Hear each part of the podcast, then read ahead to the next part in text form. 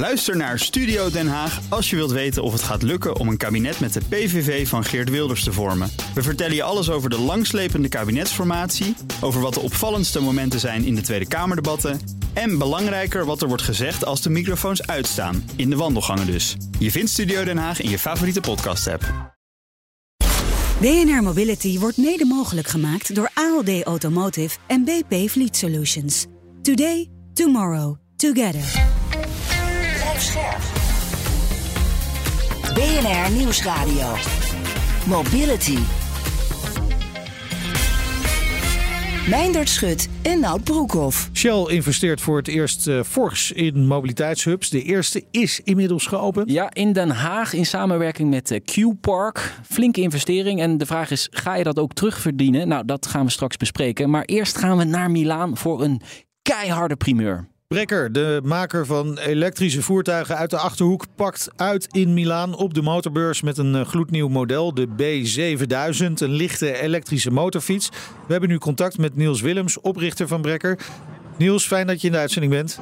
Ja, yes, sure. Waarom nu een uh, lichte elektrische motorfiets? Hè? Want jullie hebben die Brommer, de 4, B4000 en de Fatbike, de F250.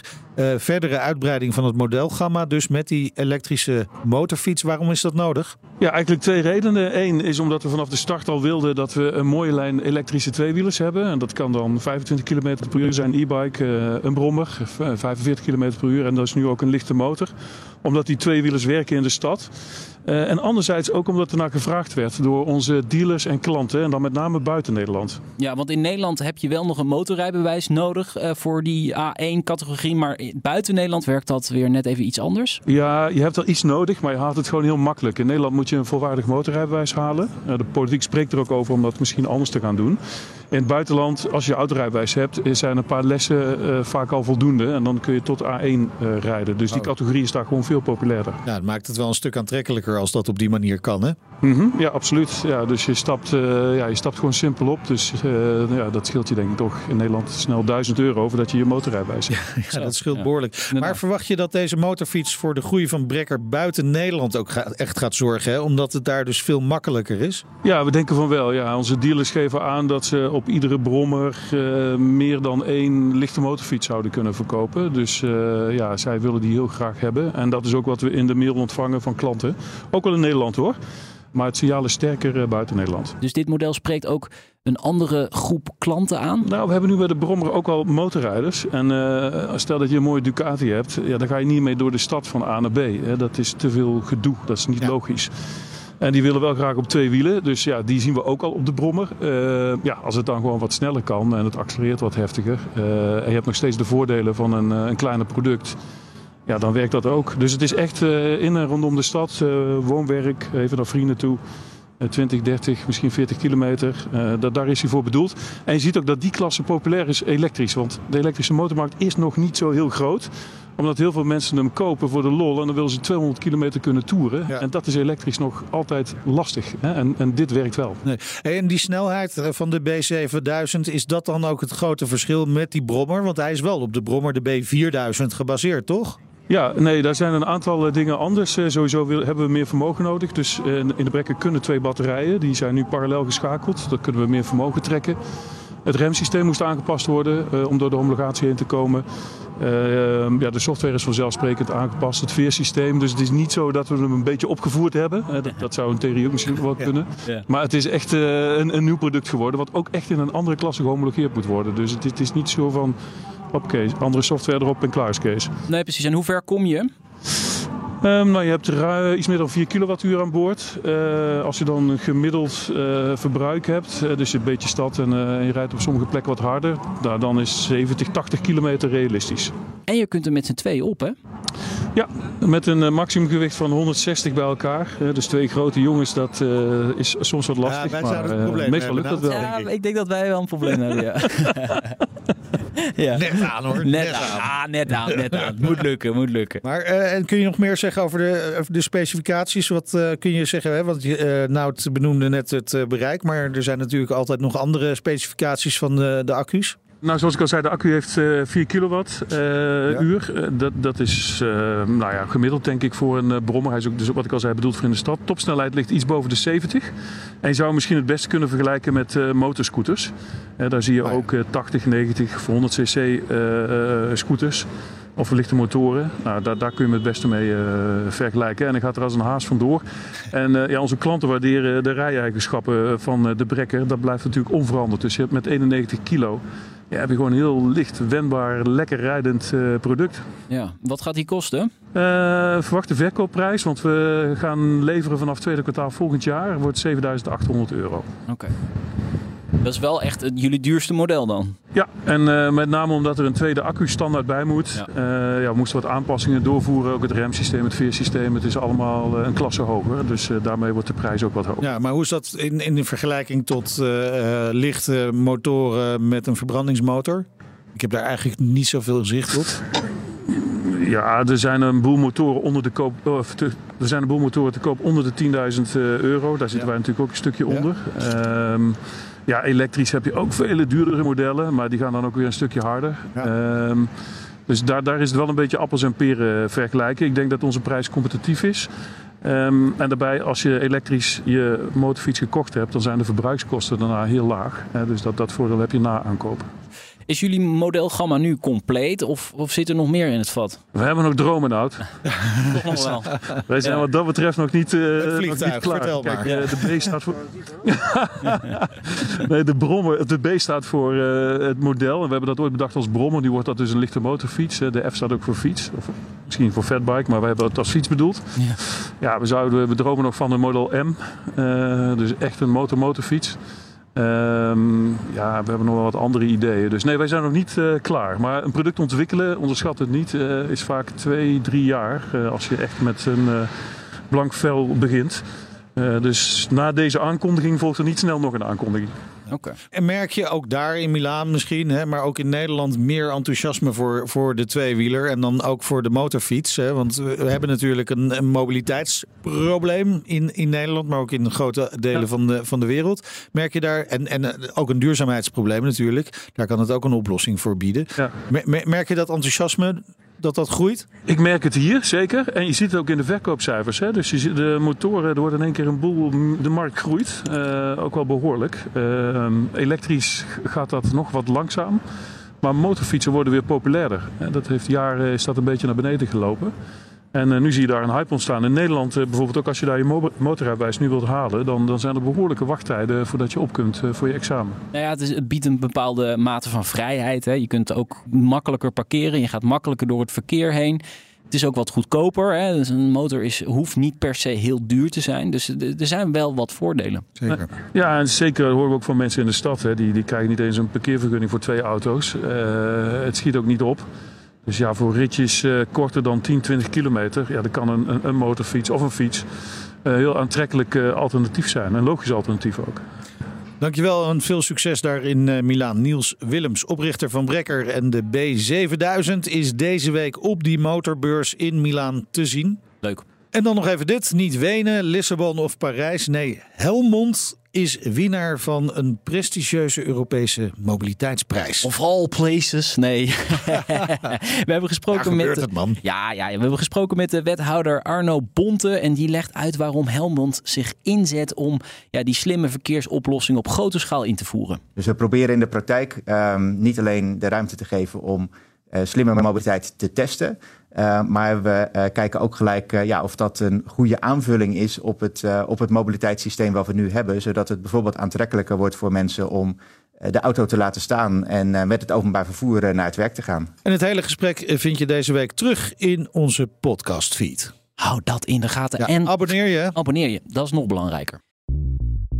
Bij BNR ben je altijd als eerste op de hoogte van het laatste nieuws. Luister dagelijks live via internet. Bas van Werven. En heel langzaam komt de zon op rond dit tijdstip. Je krijgt inzicht in de dag die komt op BNR, het Binnenhof in Nederland en de rest van de wereld. De Ochtendspits. Voor de beste start van je werkdag. Blijf scherp en mis niets. BNR Mobility. Over mobility gesproken. De eerste mobiliteitshub van Shell ter wereld is geopend. En waar? In Helmond, eh, in Den Nee, Haag. Den of Haag dus. Ja, in samenwerking met eh, parkeerbedrijf Q-Park. Ja. Janine Bax is eh, general manager van Shell Mobility in de Benelux en Frankrijk. Welkom, leuk dat je er bent. Dank je. Eh, jij bent verantwoordelijk voor eh, tankstations en de shops, hè, brandstoffen, het opladen van elektrische auto's en dus ook die hubs. Wa- waarom investeert eh, Shell in die mobiliteitshubs? Wij investeren erin omdat wij denken dat het een deel wordt van de toekomst. De klant heeft er behoefte aan. Wij zullen ehm, die locaties bouwen rond grote corridors, dus eigenlijk eh, eh, wegen, waarbij ehm, de klant eigenlijk eh, eh, diensten wilde zien. Bijvoorbeeld de auto wil neerzetten en dan bijvoorbeeld deelvervoer wil pakken, zoals een, eh, een fiets of een scooter. Maar dan ook bijvoorbeeld een, eh, een koffie wil pakken Ja. of een broodje wil eten of even kunnen willen vergaderen. Dus eh, wij zien daar toekomst in Ja, en dat hoe, testen wij. Hoe groot is de stap eigenlijk van het huidige tankstation? Want je zou kunnen zeggen, ja, dat is ook een soort mobiliteitshub. Hè, Waar mensen die komen daar weliswaar tanken of laden. En vervolgens een broodje en een kopje koffie halen. Er dat zitten hele dingen. supermarkten bij tegenwoordig. Ja. Ja, nee, dit is echt wel een andere stap. Hè? Want dit is ook een andere locatie. Je moet je voorstellen dat wij dus een, een locatie bouwen binnen een parkeergarage. Dat is nog nooit gedaan. Nee, nee. En dat is alleen maar EV. Dat is ook bijzonder. Hoewel we in Rotterdam al het eerste station hebben omgebouwd. Dus echt de diesel en de benzine tanken eruit hebben gehaald. EV hebben neergezet, dus laadpalen. Ja. Eh, dat hebben we al gedaan in Rotterdam afgelopen jaar. Maar dit zijn echt nieuwe locaties. Dus de locatie is heel belangrijk. En wat bied je op zo'n locatie aan? Dus een stuk deelmobiliteit is nieuw. Maar wat zijn dan die resultaten bij die locatie die jullie al hebben in Rotterdam? Dus die zijn neem ik aan dan positief? Ja, dus wij eh, we hebben daar dus nu EV staan. Dus Ja, eh, ja. zes laadposities, Starbucks en onze eigen winkel. Eh, wij leren daar heel veel van. Je haalt natuurlijk wel een groot stuk van je bestaande inkomsten weg. Ja. Nou, Dus dat is echt, echt een groot impact. En wij optimaliseren dat. Dus wij gaan ervan uit dat, wij daar die, dat we dat rond kunnen rekenen. En daarom ook geïnvesteerd. Hè. Dus wij gaan echt wel grote business cases aan. Eh, en dat wordt rendabel, absoluut. Ja. Ja, die in Rotterdam, dat was ook landelijk nieuws. Want ja, Ja. wow, eh, er gewoon een heel eh, tankstation dat omgebouwd wordt naar Laadplein eigenlijk. Hè, want dat is het. Eh, dat, dat was wel opmerkelijk. Ehm, jullie werken in Den Haag echt specifiek samen met Q-Park. Dus dat is echt een samenwerking in die parkeergarage. En ik was wel verrast, want ik heb beelden daarvan gezien. Dat is niet alleen eh, voor vervoer alleen bedoeld. Hè. Je kunt er een broodje krijgen. Je kunt, eh, er is een wat, wasseret volgens mij. Dus er is veel meer dan alleen eh, je vervoermiddel daar neerzetten. Correct. Wij zien dat als een inner city hub. Ja. Locatie, waarbij we eigenlijk ook kijken van eh, wat leeft er rond die le- hub, rond die parkeergarage. Dus ook mensen die zeg maar eh, bijvoorbeeld eh, op een dag een, een fiets willen halen, maar dan ook hun was willen afgeven. Ja. Of je hebt klanten die vanuit de stad komen, parkeren en eigenlijk een vergadering willen hebben. En daarom hebben we seats to meet, zodat je ook even een, een vergaderplaats kan reserveren. Dus je moet heel erg kijken wat zijn die behoeften van de mensen die daar komen en daarop spelen wij in. Ja. Welke services bied je aan? Dat zal per locatie verschillend zijn. Dus je doet per locatie ook onderzoek op Ja. wie daar dan in geïnteresseerd zou kunnen zijn. Oké, dat is best wel diepgaand dan. eh, voordat je ergens dan een locatie gaat openen. Ja. Het gaat niet over één nacht ijs, om zo te Nee, zeggen. nee, dus Nee. eh, je, kijkt goed naar van wat zijn de locaties die eigenlijk ook de partners. Je- Een stapje terug. Ja. Q-Park is een goede partner voor ons. Want mobiliteit staat aan de core van wat zij doen en wat wij doen. En daarin vind je elkaar. En je vindt elkaar dan weer met de gemeente, die eigenlijk zo'n stad leefbaar wil houden en maken. En een deel natuurlijk ook met CO2 eh, eh, Ja. uitstoot verminderen. Dus het past allemaal hetzelfde plaatje. En dan probeer je samen een oplossing te vinden van wat, wat zal zoiets voor de toekomst eruit zien. En dan bouw je het nu al. Ja. En waar, waar in Den Haag ligt die parkeergarage? Want de ligging is wel van belang. Ja. Dat je, of ik nog een fiets nodig heb. Ja, als ik al midden in het centrum ben, heb ik geen fiets meer nodig. Want dan ben ik er. Amsterdamse veerkade. Amsterdam, Nou, het goed van jou. Ja, Achter de Bijenkorf, gewoon midden in de het stad. is echt in het Heel centrum. makkelijk. Ja, hartje Maar centrum. hartje centrum. Maar heb je dan nog een fiets nodig om bijvoorbeeld daar die op te pikken? Want ja, daar kan ik ook lopend gaan. Dus ja, is het dan echt een hub waar mensen hun mobiliteit eh, veranderen? Ja, ik denk het wel. Ik denk dat eh, je hebt natuurlijk ook een, een groep mensen die komen de stad in rijden. Ligt goed, goed bereikbaar. Parkeer je auto daar en heb je misschien in plaats van te wachten op een tram, pak je een fiets of pak je iets anders. Dus daar hebben we ook onderzoek gedaan. Dat is heel belangrijk. Het gaat heel erg om gemak. Mensen willen gemak. Mensen willen nog steeds een auto wel gebruiken. Hè. Het is niet zo dat die auto helemaal weggaat. Hè. Laten we daar wel over eh, eens zijn. Maar mensen willen gemak. En hoe kun je dat aanbieden in, ja, op, op zo'n leuke manier? Hè, daar praten wij. wij praten over gemak en enjoyable. Hè? Dus Ja. het moet ook leuk zijn. Hoe bepalen jullie dan die locaties? Want als je zegt dat de auto nog altijd wel van belang is, dan betekent het ook dat die locatie met de auto redelijk makkelijk bereikbaar moet zijn natuurlijk. Wij, wij hebben met Q-Park uh, focussen ons op echt inner city uh, ja. locaties.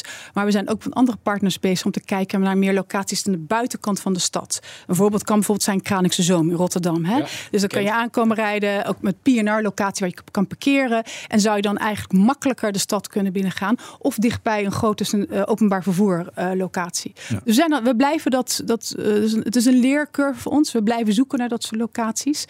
En we kijken natuurlijk ook met andere ogen naar onze huidige locaties. Ja. En dit gaat allemaal om EV. Hè? Want ik kan me voorstellen, je gaat geen diesel of benzine aanbieden in een Q-park.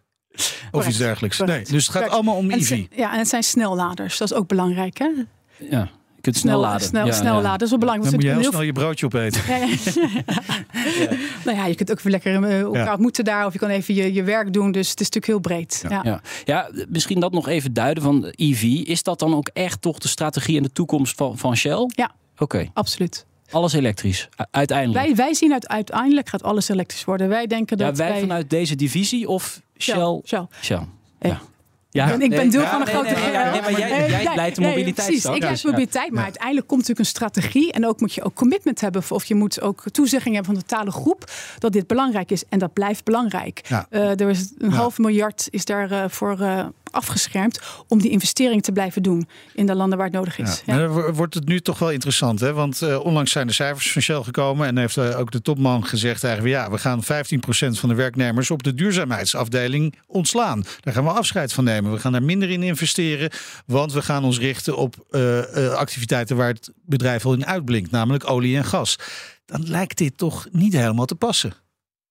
Onze huidige uh, klantengroep, ja? een groot gedeelte is dan natuurlijk nog steeds tradi traditionele brandstoffen. Ja. En die moeten we ook goed um, bedienen. bedienen. Ja. Dus dat, dat, dat is duidelijk. Hè? Dus als je kijkt naar die groei naar EV, dan denken wij dat in, bij 2030 dat 25% is. Maar een heel groot deel van de, van de, van de auto's zijn nog steeds traditie worden bediend door traditionele brandstof. Dus dat blijft.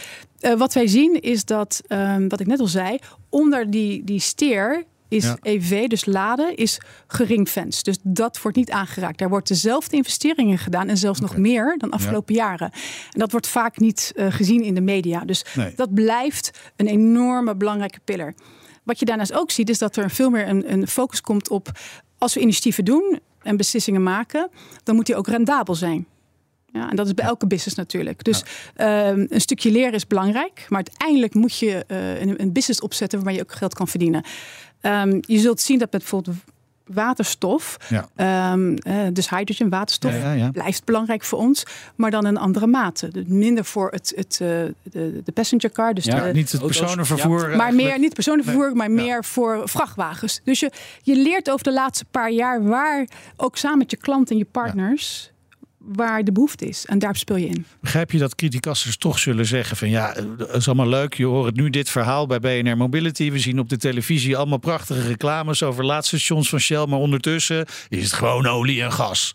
Het is gewoon greenwashing, zeggen zij. Dat begrijp ik. Ik begrijp die emotie. Ik denk dat het ook heel erg belangrijk is dat we dat begrijpen. Hè, dat we dat erkennen. Mm -hmm. Nogmaals, vanuit onze tak, mijn ja, tak, ja. is het heel erg belangrijk te kijken... wat doet die klant en waar hebben ze behoefte aan? Ik zei, het, is niet, het is niet eens mogelijk om op, op morgen alleen maar laadpalen te hebben. Die ouderen zijn er nog niet. Nee. En, en de toegang tot, tot het netwerk om elektriciteit te krijgen blijft ook een, een, een behoorlijke, een behoorlijke ja. uitdaging.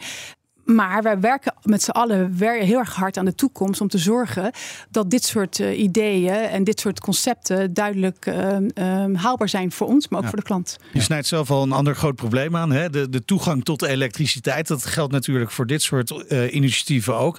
Hoe is dat geregeld? Is dat ook juist waarom jullie met uh, een partij als Q-Park samenwerken? Omdat het daar misschien al die aansluitingen zijn? Wij werken... Of is het ook gewoon nog een uitdaging, ook voor jullie? Voor, voor allemaal. Ja. Ik denk voor iedereen in, vooral in Nederland is dat echt een enorme uitdaging. Dat is voor de network operators, dus de Stedin, de Nexus, de Alliander. Uh, Tenet is dat echt een enorme uh, klus. En je ziet dus ook dat wij op bepaalde locaties gewoon uh, dat er wachtlijsten zijn, dat het vol zit, om het zo maar te zeggen. Ja. Dus ik denk dat de grootste challenge voor ons als, als NLBV zal zijn om samen te werken met de overheid naar beleidsmaatregelen te kijken die dat eigenlijk uh, uh, uh, begeleiden op de juiste manier. En dat, en dat partnership, dus die, die samenwerking tussen de verschillende partijen, heel erg belangrijk is. Ja. Is er ook genoeg aandacht voor in Den Haag? Want er komen verkiezingen aan. Staat het een beetje op, op de agenda Ik daar? denk dat het zeker op de agenda Ja? staat, maar ik denk dat het eh, wel urgent is. Ik denk als we die, die, die, om die switch moeten maken met z'n allen, eh, die gaat gebeuren, Ja. dan is de focus daarop belangrijk. Ja. Den Haag heeft dus die eerste hub wereldwijd. Mooi voor Den Haag. Maar waar komen die andere hubs? In Brussel, tegenover Ja. het Europees Parlement. Dus Ah, dat is een mooie Jullie zoeken wel locatie. het politieke hart Ja, ja, van ja. eh, de landen op. We, denken, we denken wel even door hierover. Brussel, oh, dan Ja. denk ik gelijk... Oh, de Rotterdam, niet te vergeten, Oh, mijn oh. stad Ja, Rotterdam, ja, hè, ja, nee, ja, waar ik er erg trots op ben. Ja, ja. Dus eh, die drie locaties. eh, en het doel is dus echt om, eh, om te groeien. Om daar naar te Ja. kijken van, goh, werkt dit? Hoe, hoe kunnen we het optimaliseren? Wat is de feedback? En het is ook pionieren voor ons. Ja. Ik ben daar ook heel eerlijk in. Het is eh, een nieuw businessmodel. hè? Ja, En, en uiteindelijk moet dat dus gewoon ook geld opleveren. Want Shell is natuurlijk gewoon een commercieel bedrijf. Laten we daar duidelijk over zijn. Eh, wanneer denk je dat je... Want ik neem aan dat je gewoon bij de grote baas Sawan eh, eh, aan tafel mag zitten. Eh Wael Sawan, de grote baas van, van Shell. Wanneer denk je dat je hem kunt overtuigen en zegt... Kijk, hier zit een verdienmodel. Ga hier meer in investeren. We hebben business cases die eh, 10, 15 jaar zijn. En we hebben natuurlijk behoorlijk hoger rendement die we terug moeten krijgen. Dus eh, tot nu toe gaat het heel goed. Eh, operationeel gezien Ja. staat het er. Maar we moeten kijken. We moeten kijken hoe het, eh, hoe het uitpakt. En eh, ja, ik denk dat het een eh, succes is. Anders doen we het ook niet. Nee. Hè? Het is natuurlijk ook Nee. een enorme investering voor ons om dit te doen. Dus wij hebben echt de visie dat dat, dat, dat de toekomst is. En daar moet je inspelen. Dus dan moet je ook soms een, eh, een, stap, een eerste stap zetten. En eh, wat- wat zeggen die hubs nou eigenlijk over de, de, de, de toekomst van de tankstations? Gaan, gaan alle eh, tankstations hubs worden of is dat onmogelijk? Ik denk dat ehm, eh, niet alle stations hubs gaan worden. Ik denk dat je toch ineens een mix gaat hebben. Ik denk dat het een soort fasering over tijd is. Wat je wel ziet, is dat op die stations nu al. Dat begint nu al. Daar heb je een palet van energieopties. Hè? Dus je- we doen nu EV op alle, op alle stations langs de snelweg. Staan al laadpalen. En we doen ook buiten het station laadpalen. Je, je zult LNG voor, voor de trucks. Ja. Maar ook biofuels. hè, dus de biocomponent in de brandstof in benzine gaat steeds hoger worden. Eh, renewable diesel, dus dat is gemaakt van 100% plantaard, plantaardige olie. Ja. Dat soort oplossingen zie je gewoon al op die locaties terugvormen. En, op, en, en je hebt al, wat jij jij al zei, ik vind het leuk dat je dat zei. Het zijn al bijna supermarkten en eh, een soort hele leuke eh, momenten waar je even een goede, een goede boterham kan pakken of iets lekkers kan eten. Dat is er al. Ja. Dus dat, en dat blijft en dat zal steeds beter worden. Maar afhankelijk van de locatie wat je aanbiedt. Want ja, langs de A2 of de A4 hoef je niet per se een fiets aan te bieden natuurlijk. Nee, maar daarom is het ook heel belangrijk dat je precies weet wat is die behoefte van de klant, wat is die locatie en waar, waar pas je wat aan. Ja. Het is Mooi. no one size fits all. Nee. We gaan eh, het eh, bekijken in de toekomst. Maar de eerste dus in Den Haag, de Ja. mobiliteitshub van eh, Shell. Dankjewel voor je komst naar de studio. Janine Baks, General Manager van Shell Mobility in de Benelux en Frankrijk. En dit was BNR Mobility. Terugluisteren kan via onze website, via onze app. Moet je zeker doen. En dan kun je je ook abonneren. Maar je kunt ook een eh, eigen podcastplatform kiezen. Ja, en je kunt ook mailen en dan heb je misschien nieuws of verhalen Eigenlijk voor is ons. het een soort Ja. eh, geluidshub. Ja, zeker, aanbieden. inderdaad. Ja. Eh, mobility.bnr.nl. Mijn naam is Nout Broekhoff. En ik ben Meijnerd Schut. Tot volgende week. Tot volgende week. Doei. BNR Mobility wordt mede mogelijk gemaakt door BP Fleet Solutions en ALD Automotive. ALD Automotive. Ready to move you.